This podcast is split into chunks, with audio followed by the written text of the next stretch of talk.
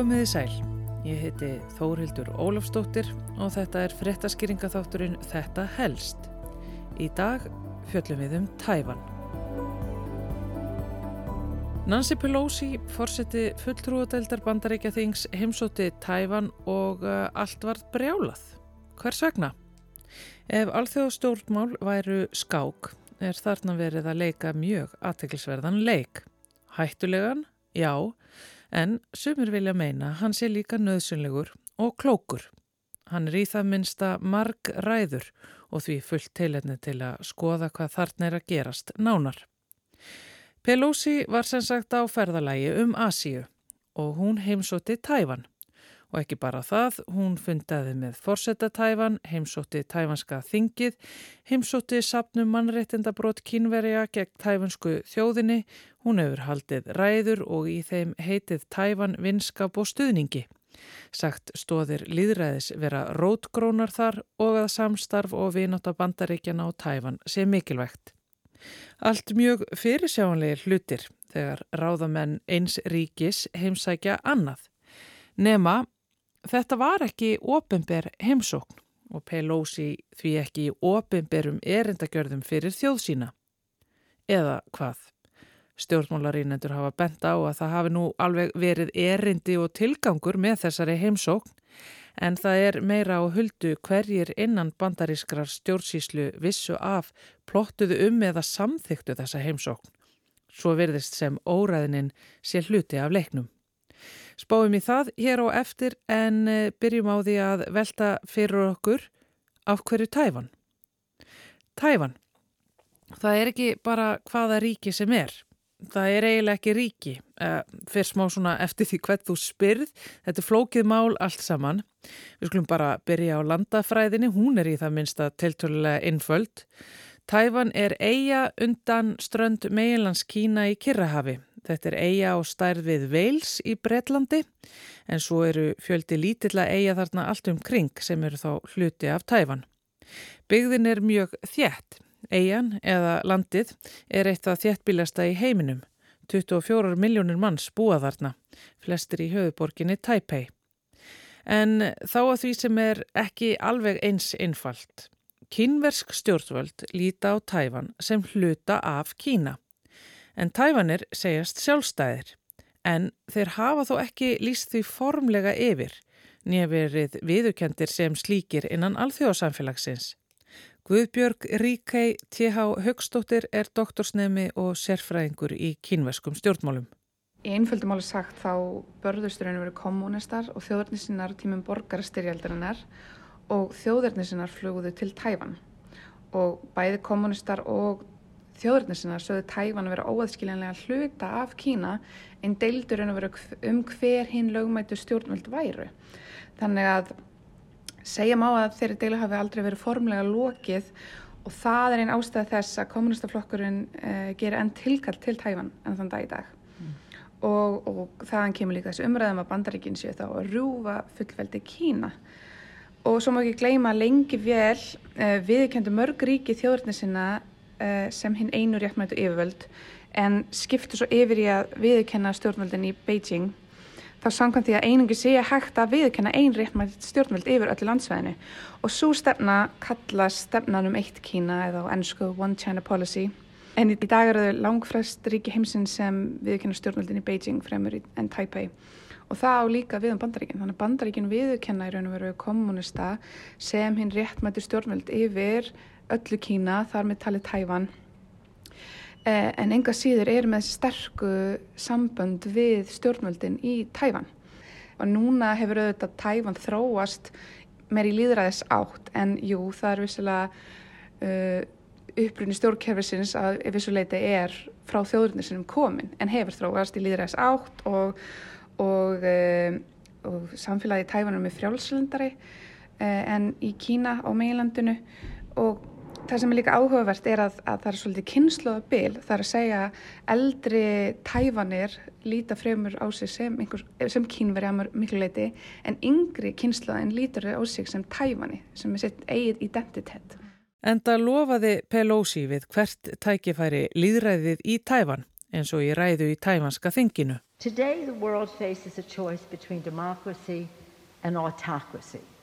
America's determination to preserve democracy here in Taiwan and around the world remains ironclad. Sem sagt, bandaríkinn standa vörðum líðræði, líðræði og var einræði. Svo mörg voru þau orð og svo stutt var þessi heimsókn en eins og komodaginn allt var þetta afdrifaríkt. Kínvesk stjórnvöld eru sem sagt alls ekki hress með innlitið. Viðbröðun hafa verið hörð og sett samskipti stjórnvalda í Peking og Washington í hnút. Samskipti sem voru í töluverðri flækju fyrir. Kinnverir hafa ekki bara fordæmt heimsóknina í orði. Þeir eru byrjaðir að láta verkinn tala, hafa viðbúist, sett herin á hæsta viðbúnaðarstig og sendt til æfinga. Pelosi var ekki fyrr flógin í burtu frá Tæfan þegar kynverjar slóu upp stærstu heræfingu í sögu kynverska hersins og letu æfinguna fara fram umhverfis alla eiguna Tæfan á sex stöðum. Sumir æfingastæðinir bara rétt undan strönd Tæfans, jáfnvel í um 20 km fjarlægð frá strandlengjunni. Æfingunni fylgir fjöldi herskipa, Flugvelar sveima yfir, orustu flugvelar fara um í láflugi og rjúfa ítrekkað lofthelgi landsins og skotvopn eru prófuð af miklu móð. Ástandið er afar eldfimt. Stjórnvöldi í Tæfan líta á þessi umsvið kynverja sem augrun. Tæfanska varnamálaræðanætið og herin fylgjast grant með, eru í viðbrakstöðu, segist ekki vilja stopna til átaka en séu tilbúin í þau.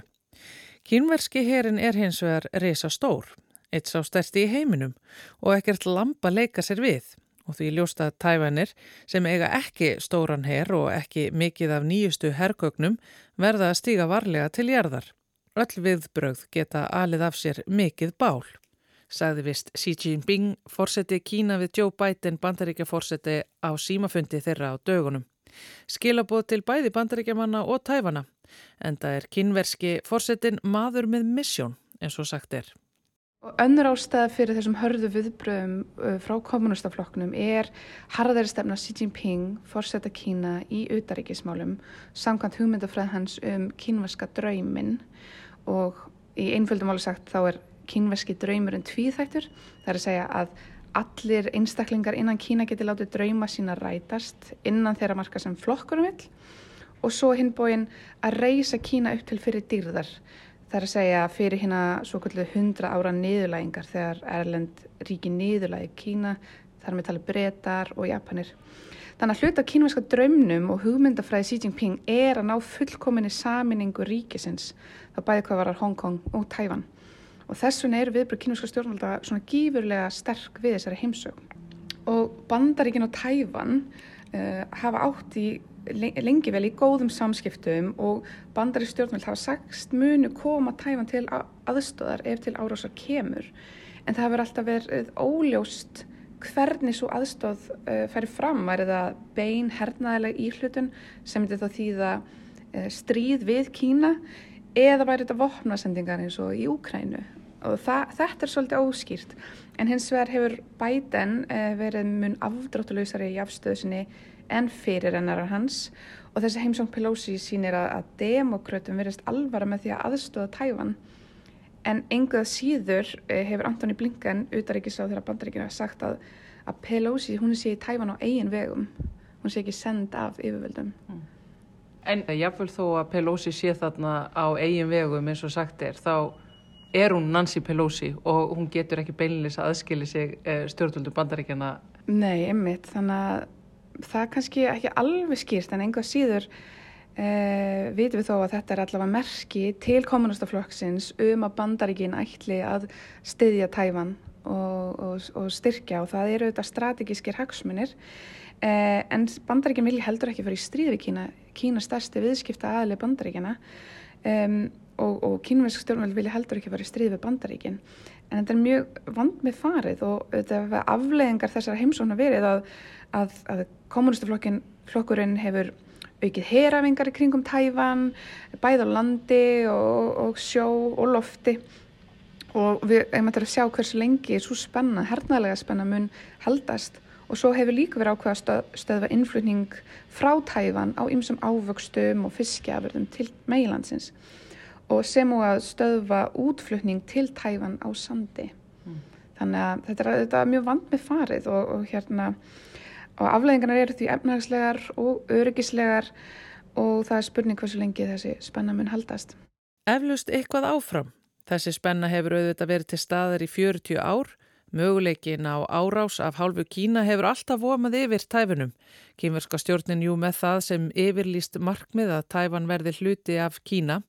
Helst eigi þetta gerast á afar friðsalan hátt allt saman en eh, allra anstöðu verði samt mætt með hörgu. Hljómar kunnulega, ekki satt. Tæfan er jú líka mjög hernaðarlega mikilvæg fyrir Kína. Staðsetning eigina skiptir máli en ef Tæfan verður sjálfstætt ríki myndi það auka mögulega á vandræði kynverja sem standa í miklum stórraðum á alþjóðavettfangi á öllum sviðum og vilja ekki hafa neinar glufur, eiginlegar og óeiginlegar þegar kemur að mörgum og völdum landsins. Sem sagt, þetta hefur verið svona í ára tugi, alltaf yfirvofandi en eh, síðustu misseri hefur verið rætt um að það sé kannski eins og mögulega líklega sé komið að þessu. Vartamálar að þeirra Tæfan lísti því til dæmis yfir fyrra á þessu ári að hann telli að kynverjar muni gera innrás í landið innan fjögura ára. Nákvæmlega hvaðan hafði fyrir sér varðandi það er ekki ljóst. Þannig að heimsokk Pelosi er mögulega leikur til að ruggla í fyrrætlunum Kína. En eh, hvort þessi leikur tefji þær fyrrætlanir eða flítið þeim eða bara ekki neitt og eftir að koma í ljós. Svo er það spurningin, hvað vilja tæfanir sjálfur? Var heimsókn valdamikils aðila úr bandarískum stjórnmálum eitthvað sem þau sóttust eftir? Guðbjörg Ríkei hefur fylst vel með frettunum á svæðinu. Það er ennþá eftir að koma skoðan að kannar út um sko, afstöðu tæfana til þessara heimsóknar. Um, ég hef bara verið að horfa á einhver um, viðtöl í, í fréttum og þess aftar og út frá þeim sem eru auðvitað uh, mjög lítið úrtak þá er, er fólk orðið kannski svolítið þreytt á þessum stöðum og hótunum komunistaflokksins og kannski tekuð þeim ekkert mjög alvarlega og vilja bara hver sem er geti heims og tæfan eins og þau vilja mm. en það þarf starra úrtak til að sjá hvað almenningi, öllum almenningi fæst. Ég held að þetta hefur klálega auki spennuna. Uh, það hefur verið, nárið því daglega síðust árin hafa verið uh, þótur, herrþótur sem hafa flóið og rofið uh, lofthelgi Tæfan. Þannig að kynverski kommunistaflokkurinn gerir reglulega og sínir myndbandaði af æfingum þar sem að verið að æfa það að ráðast inn í Tæfan. Og, og Xi Jinping hefur sagt að hann munir samin að Tæfan við móðurlandið með valdi af þarf. En hins vegar er þetta búið að vera lengi þessar hótanir þannig að ekki, það er erfitt fyrir mann að segja að, að hversu hvenar það yrði. Það er eiginlega ómögulegt að segja en, en það er alltaf ljóst að komunistaflokkunum vil samin að tæfan ja. Og bandar ekki þó kannski með þetta að segja þetta gerir ekki alveg úr þessum hótunum akkurat núna meðan við erum við völd e, Akkurat og þeim sé alvara með að, að vernda tæfan Vinskapur Tæfan við Bandaríkin er þannig stærsta og mikilvægasta vopnið í annars tilkomu litlu vopnabúrið þeirra. En já, það er þetta með hvort Bandaríkin myndu í álfurinni gera eitthvað ef til kastana kæmi. Sjáum til dæmis hvernig NATO hefur bröðist við innrásinni í Úkrænu. Kynverjar sjá það og fylgjast vel með og eh, hugsa eflust sitt Myndi vestrið bregðast eins við farið þeir af staðin í Tæfan í þeim tilgangi að innlima það? Þarna eru auðvitað komin ástæða þess að Tæfanir telli að Kína muni láta til skara skrýða innan skams. Þeir sjá sjálfa sig í afleitum áhrifum Úkrænustriðsins. En það kom fram fyrir nokkru mánuðum síðan að það væri mat bandarískra leinutjónustustofnana að reynsla innrása rúsa í Úkrænu hafið möguleg áhrif á áallinir kínverja um hvernig og hvenar þeir ætla að ráðast í það verkefni að innlima tæfan. Og svo er ekki eins og það sé mikil ánægja með viðbröð kínverja við innrásinni í Úkrænu eins og Guðbjörg Ríkei T.H. Högstóttir doktorsnemi og sérfræðingur í kínverskum stjórnmálum bendir á afstæða kínverða til innrásarinnar hefur auðvitað verið svo að, að eh, raun og veru að taka ekki þátt í efnarstvingunum sem gefur raun og veru rúsum smá uh, smá flóttaleið og, og að þá býta þessar efnarstvingunar ekki jæfn hart. Þannig að þetta hafa bandarísk stjórnvöld gaggrind mjög harlega og hafa verið að reyna að pressa á kínu stjórnvöld að taka þátt í þvingununum Þannig að þetta getur verið hlut af því að, að, hérna, að sína að þau komast ekki upp með hvað sem er. Heimsók Pelosi er því ákveði kennsku bragð, með henni er því komið á framfari, mjög undir rós auðvitað, að bandaríkin muni ekki standa hjá og fylgjast með verði af innrás í tæfan. Og Kína hugsar þá kannski allt upp og nýtt, enda kannski ekki til í að fórna öllu í efnagslegu tilliti og diplomatísku, það er til mikils að vinna að halda reynu þar. En kínversk stjórnvöld verða reið, sína það á skýran hátt, en eh, hversu langt þau ganga Já, engi vill taka af skarið, afleðingarnar enda ófyrirsjáanlegar, allir samt búinir að setja undir sig hornin. Þetta er ástand sem bara hliður upp á sig. Sjálfhelda, ógnarjafægi, það er hægt að kalla þetta alls konar nöfnum og nú er bara sjá. Vogun vinnur, vogun tapar.